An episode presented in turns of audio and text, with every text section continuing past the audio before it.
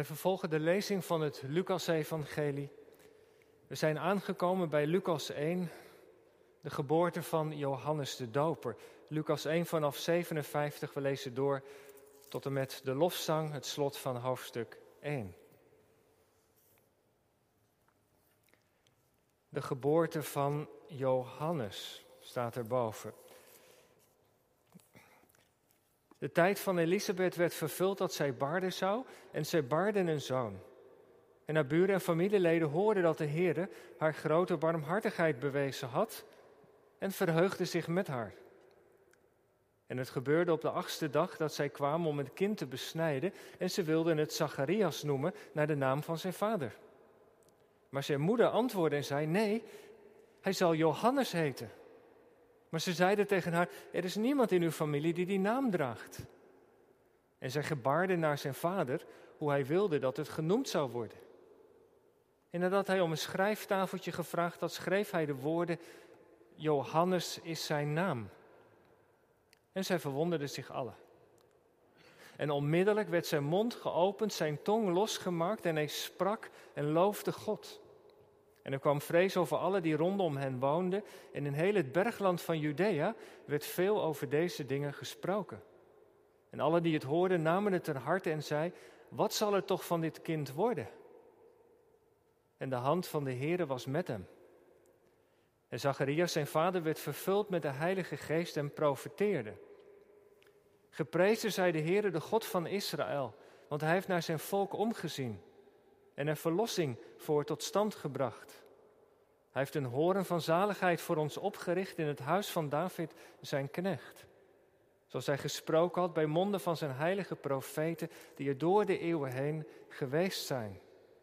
Verlossing van onze vijanden, bevrijding uit de hand van allen die ons haten.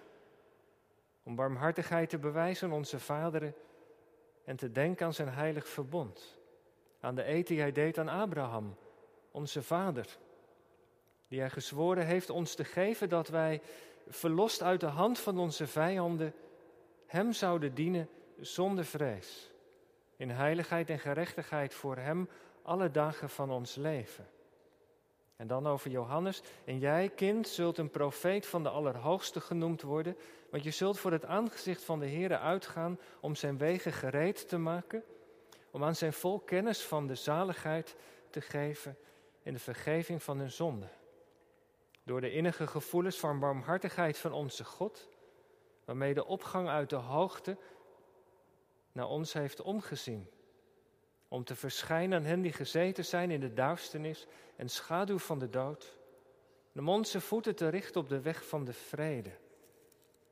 Het kind groeide op en werd gesterkt in de geest en het verbleef in de woestijn tot de dag van zijn verschijning aan Israël, totdat hij publiek begon optreden. Tot zover de lezing van de woorden van God. Bijzonder zal er licht vallen op de versen 74 en 75, de verlossing om de Heer te dienen zonder vrees, zonder angst, in heiligheid en gerechtigheid voor Hem alle dagen van ons leven. Na de verkondiging zingen wij uit het boek van de Psalmen 100, Psalm 108, vers 1 over het dienen van de Heere God. God dienen zonder angst. Angst is onbestemd. Je mag ook vertalen God dienen zonder vrees. Gemeente van de Heer Jezus Christus, hier in de kerk en thuis verbonden. Soms zijn er van die momenten dat je heel graag iets wilt vertellen. Vertellen van wat je meegemaakt hebt, waar je hart vol van is. Maar niet altijd heb je daar de gelegenheid voor. Ik herinner me nog toen ik geslaagd was van mijn rijexamen. In de tijd dat er nog geen mobiele telefoons waren. Dat er een telefoon hing en ik even snel naar huis belde. En zei mijn vader: Ja hoor, ik ben geslaagd. Ik vertel straks wel hoe het ging. Of je komt terug van een vakantie of een heel leuk kamp van de kerk of van school. Je hebt zoveel leuke dingen meegemaakt en onderweg stuur je even een berichtje naar je ouders. We zijn weer onderweg hoor. Het was super gaaf. Straks vertel ik wel meer. Je zit in de trein, sollicitatie gehad, tweede ronde, derde ronde en dan is er opeens dat verlossende telefoontje. dat je het bent geworden. Je stuurt even een berichtje naar huis, want je wilt niet gaan praten, zodat iedereen in de coupé het hoort. Straks vertel je wel het hele verhaal. En vaak is dat wat we toch graag willen. Als je iets meegemaakt hebt of iets wat moeilijk was of iets dat heel fijn was, dat je je verhaal wilt delen, dat je wilt vertellen wat je hebt meegemaakt. En hoe moeilijk is dat ook als dat niet kan, of als je thuis komt en je bent alleen. Als er iemand is die weet hoe moeilijk het is, is dat Zacharias wel. We komen hem in Lucas 1 tegen. Afgelopen weken hebben we over hem gehoord. Als hij dienst doet in de tempel, is daar die engel Gabriel met die wonderlijke boodschap. Dat zijn vrouw Elisabeth zwanger zal worden. Dat, zijn zoon zal, dat hij een zoon zal krijgen. En dat deze zoon door God gebruikt wordt om Israël voor te bereiden. Voor te bereiden op de komst van de Messias. En Zacharias kan het allemaal niet geloven. Onmogelijk. Ze zijn al oud. Zijn vrouw Elisabeth onvruchtbaar. En omdat hij zich verzet, krijgt hij een spreekverbod. Zacharias moet zwijgen totdat uiteindelijk gebeuren zal wat de engel heeft gezegd, totdat zijn zoon gebeurde, geboren zal worden. Zacharias moet zwijgen. Negen maanden lang. En weet u, het is veel moeilijker voor Zacharias geweest dan wij vaak denken. In vers 22 van Lucas 1 wordt gezegd dat hij stom was, dat hij niet kon spreken. Maar dat Griekse woordje kophos betekent niet alleen stom, het kan ook doof betekenen of samen doof-stom. Een echtpaar uit de gemeente wees me daarop. En ik denk dat het laatste het geval is geweest. Zacharias is niet alleen stom geweest dat hij niet kon spreken, maar hij is ook nog een keer doof geweest in deze negen maanden. De uitleggers wijzen daarop. We moeten maar even kijken naar vers 62 van het gedeelte dat we hebben gelezen. Daar staat, hè, dan, dan, dan moet de zoon de naam hebben Johannes en dan vraagt ze, maar er is niemand in de familie die zo heet. En dan staat, en zij gebaarde naar zijn vader hoe hij wilde dat het genoemd zou worden. Als ze gewoon hadden kunnen spreken, dan had hij dat natuurlijk gehoord. Maar met gebarentaal moeten ze dat aan Zacharias duidelijk maken. Zacharias is vermoedelijk doof-stom geweest. Dat is nog veel ingrijpender dan dat we vaak denken. Moet je voorstellen wat dat betekent. Negen maanden lang niet spreken, niet horen. Dat doet wat met je. Je komt in een isolement. Je raakt buitengesloten van de mensen om je heen. De geluiden gaan weg en er zijn alleen nog maar de gedachten van je hoofd. Wat zal er door Zacharias heen gegaan zijn? Van alles, denk ik. Ongetwijfeld denkt hij terug aan dat bijzondere moment in de tempel. Die engel met die wonderlijke woorden. En ook hoe hij zich tegen die engel heeft verzet. De woorden resoneren na in zijn hart en er zal ongetwijfeld ook spijt en vroeging zijn. Hoe heb ik ooit zo stom kunnen zijn om die woorden van de engel niet te geloven? Er zal zoveel door zijn hoofd zijn gegaan, al die maanden lang. En misschien ook wel, jongelui, jongens en meisjes, kun je wel voorstellen, misschien is hij ook wel bang geweest. Zal ik ooit weer kunnen spreken of horen? Zal God mij genadig zijn? Negen maanden lang, dat is een zware beproeving. Maar dan komt daar het moment dat alles verandert. Als de periode van de zwangerschap van Elisabeth voorbij is, zijn zoon wordt geboren en ze vragen hem naar de naam, dan schrijft hij dat op. Johanan Shemo, Johanan is zijn naam. En als hij die woorden opschrijft, dan gebeurt het wonder. Dan wordt zijn tong weer losgemaakt en kan hij spreken. Waarom op dat moment? Ik denk dat dit te maken heeft, broeders en zusters, jongelui, met gehoorzaamheid. Weet je nog wat de engel tegen hem had gezegd? U moet hem de naam Johannes geven. Hij had zich verzet, maar nu heeft hij zijn verzet opgegeven, is hij gehoorzaam. Het is de gehoorzaamheid die wordt gezegend. En dat is een belangrijk aspect van het geloof. Een dominee uit Vietnam, die gevangen gezet werd vanwege zijn geloof, zei eens: Wij van de vervolgde kerk, wij hebben geleerd dat lijden niet het ergste is in deze wereld. Ongehoorzaamheid aan God, dat is het ergste. En de negen maanden van hebben Zacharias dat geleerd. Om zijn verzet tegen God op te geven. En weet u, weet je, dat is ook maar het beste wat je kunt doen. Je verzetten tegen God en zijn geboden, dat levert alleen maar ellende op. Dat moeten we niet doen. In de gehoorzaamheid ligt de zegen. En wat is het belangrijk om die les goed te leren?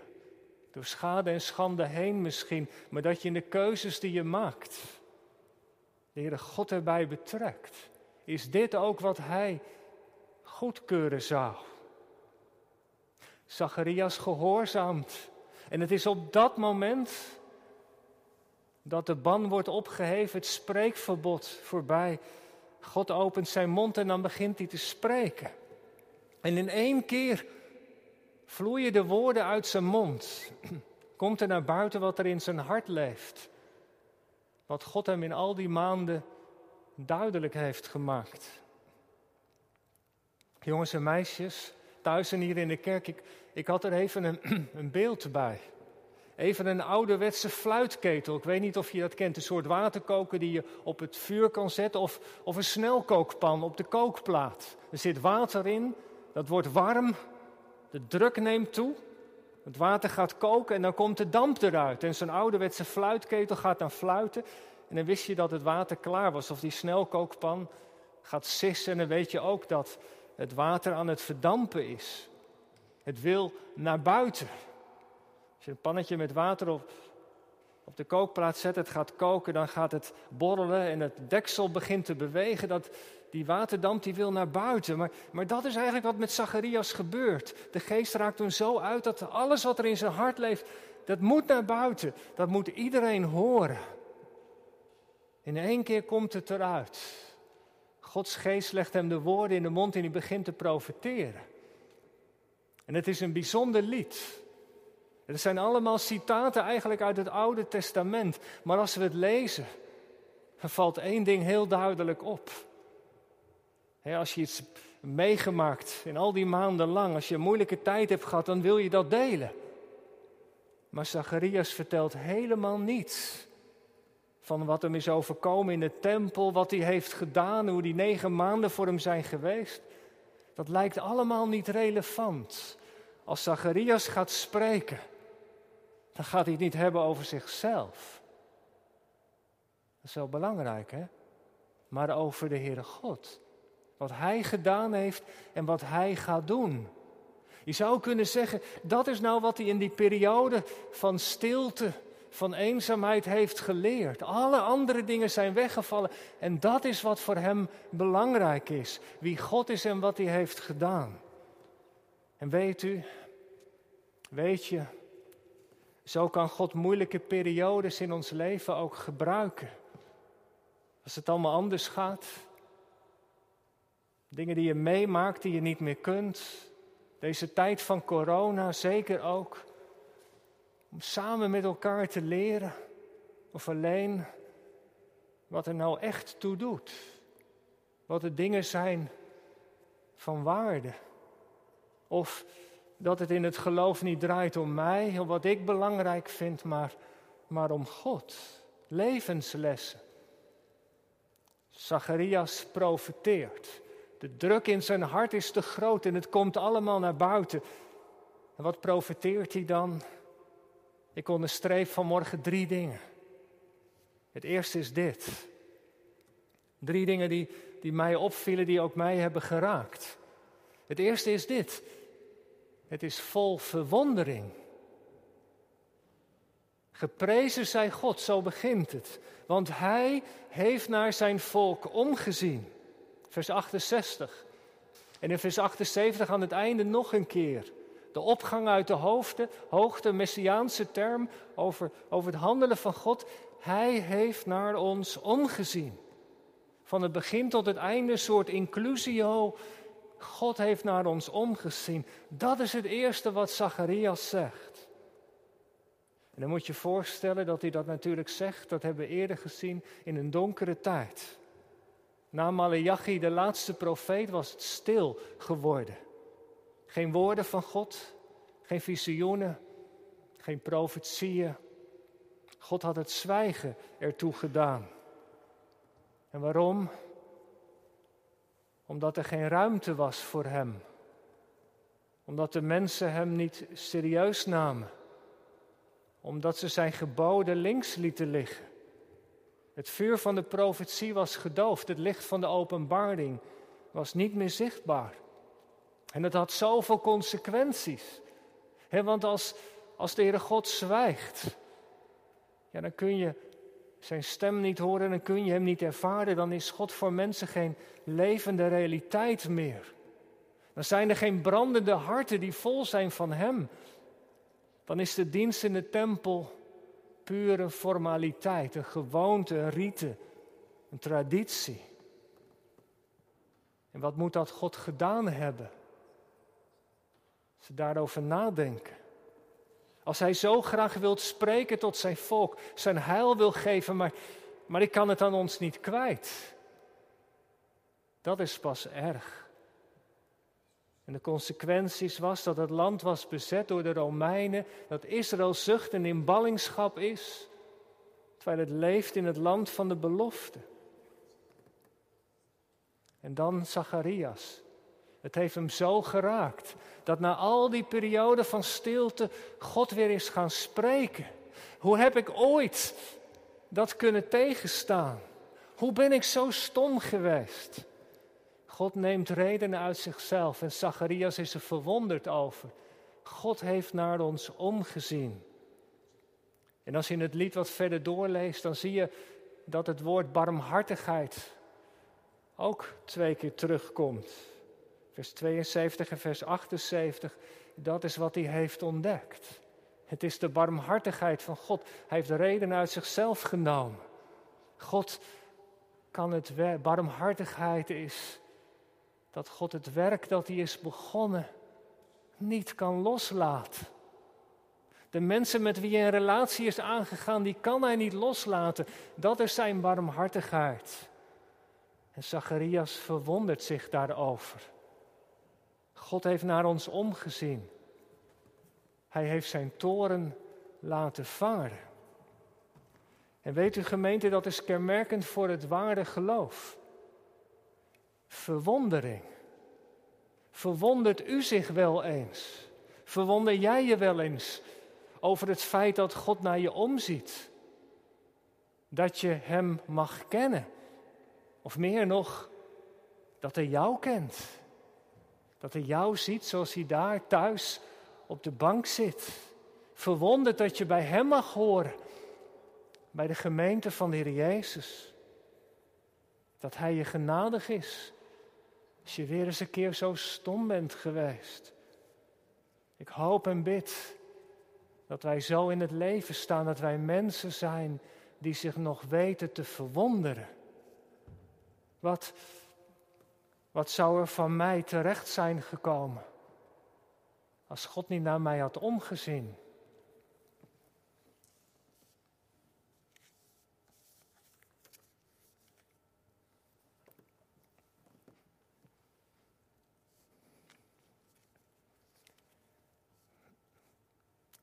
Dan had ik hier vanmorgen niet gestaan.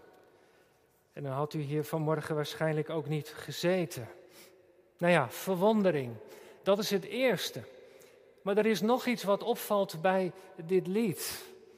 Als er één term is die steeds maar weer terugkeert, dan is dat het woordje verlossing. Vers 68. God heeft ons verlossing gebracht. Vers 71, verlossing uit de hand van onze vijanden. Vers 74, verlost nog een keer uit de hand van onze vijanden.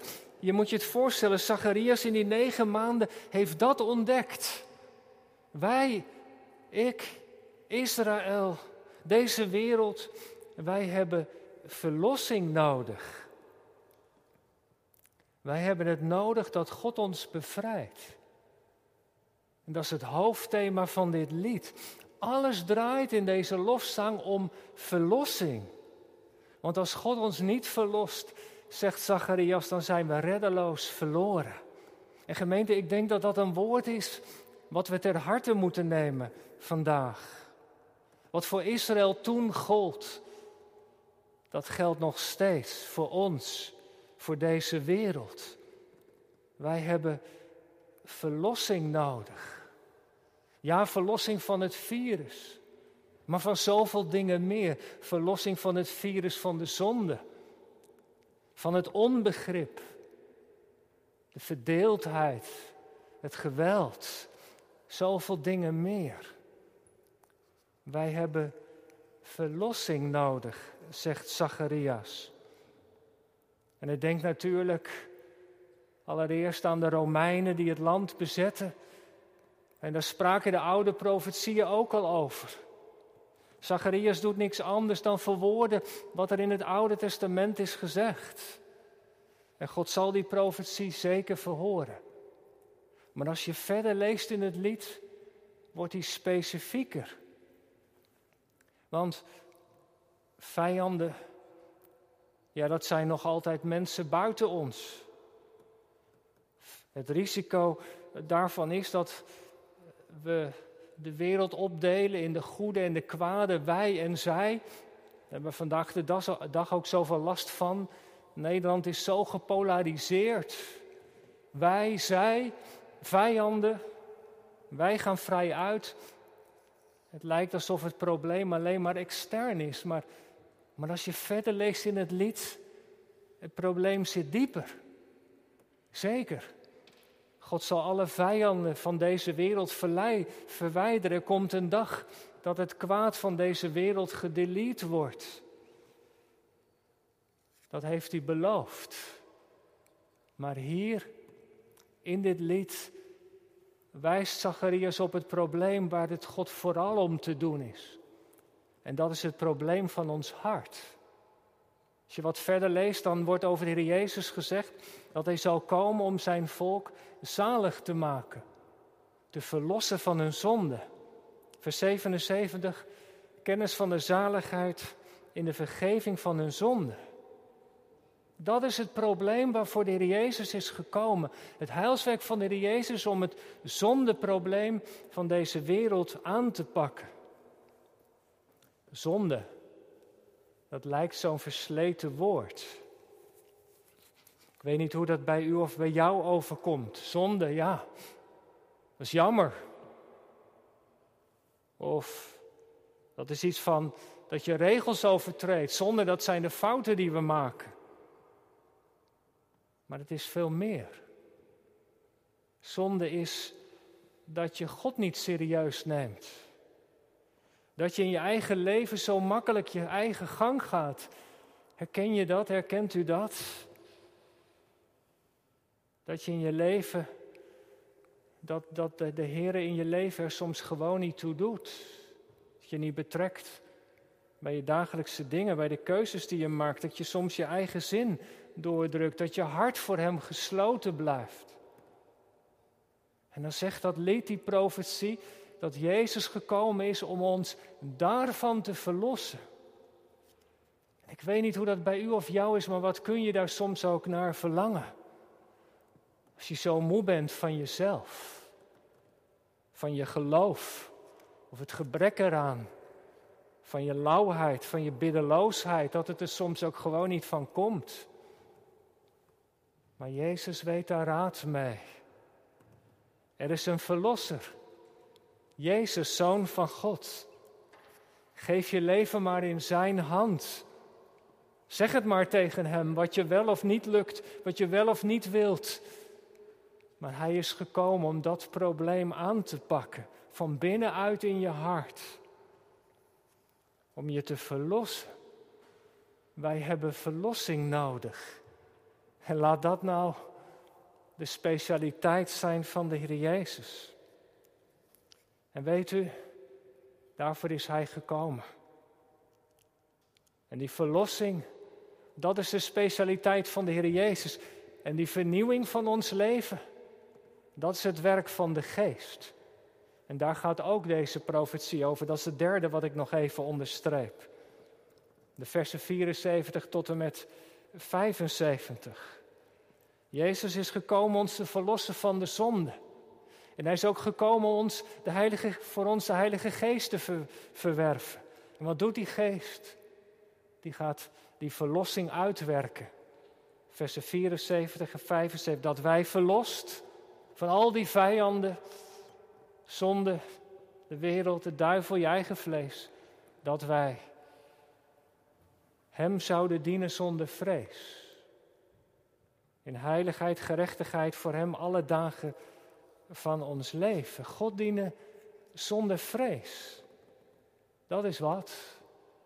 Vrees voor wat mensen van je vinden. Zonder angst voor de dag van morgen, wie wil dat niet? God dienen zonder dat je laat verlammen door wat er in de wereld gebeurt. Zonder vrees dat je het niet gaat redden. Dat je het niet volhoudt. De geest die al die vrees uitdrijft. Zonder angst voor het oordeel van God dat komt. Omdat de Heer Jezus dat oordeel heeft gedragen. Zo leven. Zonder angst, zonder vrees. Profetie zegt nog dit: Hem dienen in heiligheid en gerechtigheid. Ook weer van die twee oude, ouderwets lijkende woorden. Maar ik vond het wel mooi dat wat de reformator Calvijn hierover zegt. Hij verbindt die twee woorden met de twee tafels van de wet. Heiligheid, dat is de eerste wet. Dat gaat over dat je de Heer bent toegewijd. Toegewijd leven. En gerechtigheid, dat is de tweede tafel van de wet, hoe je omgaat met je naaste. Dus dat is wat de geest uitwerkt. Liefde tot God, toegewijd aan Hem leven. En tegelijkertijd in gerechtigheid omzien naar de mensen om je heen. En dat is het, de geest verbindt je met Christus. Liefde tot God, maar die stort ook de liefde uit tot je naaste. Dat je toegewijd bent aan je broeder of zuster. Wat is dat ook belangrijk in deze tijd van corona? Dat we naar elkaar blijven omzien, toch? Een kaartje, telefoon, misschien op bezoek op afstand weliswaar, een luisterend oor dat je opkomt voor wat die ander nodig heeft. Dat je zo leeft en het goede zoekt, alle dagen van je leven, toegewijd en oprecht. Dat is wat Zacharias zegt, daar loopt dit lied ook op uit. Dat is wat God van ons verlangt. Dat we zo leven voor Hem. En wij, is dat ook het verlangen van ons hart? Nee, niet in eigen kracht. We hebben de Heer Jezus nodig. Hij is gekomen om de zonde te verzoenen, dat het er zo vaak niet van komt. Maar omdat hij is gekomen en omdat de geest is geschonken, dan kan het ook. Zo leven. Elke dag. Tot eer van Hem. Het enige dat wij hoeven doen vanmorgen. Voor het eerst of opnieuw is het tegen Hem zeggen: Heer, hier ben ik. Neem mijn leven, laat het, Heer, toegewijd zijn tot uw eer. Neem mijn leven maar, mijn hart. Ik leg het in uw hand. Gemeente, ik sluit af. Ik wil iets delen van de schrijver C.S. Lewis. In de kronieken van Narnia. U kent ze wel. Een van de hoofdpersonen, Lucy, gaat na vele jaren weer terug naar Narnia. En daar ontmoet ze Aslan, de grote en sterke leeuw, beeld van de Heer Jezus. En dan vindt er een gesprek plaats. Welkom, mijn kind, zegt Aslan tegen Lucy. Aslan, zegt Lucy, je bent groter geworden. Dat komt omdat jij ouder bent geworden, Lucy, zegt Aslan. Niet omdat jij zelf ouder bent, vraagt Lucy. Nee, zegt Aslan, ik ben niet ouder. Maar elk jaar dat jij groeit, zul je merken dat ik groter word. En dat is waar dit lied van Zacharias over gaat. Dat we God dienen zonder angst. Dat Gods geest in ons de ruimte krijgt zodat we groeien. En elk jaar Christus voor ons steeds groter wordt. Ik snap wel waarom Zacharias met een loflied eindigt. Laten we met hem meebeleiden vanmorgen. Geloof zij de Heere, de God van Israël, want Hij heeft naar ons omgezien. Hij heeft ons verlossing gebracht om te leven zonder vrees, in Zijn tegenwoordigheid, waar we ons ook bevinden, wie we ook zijn. Dankzij Jezus. Amen.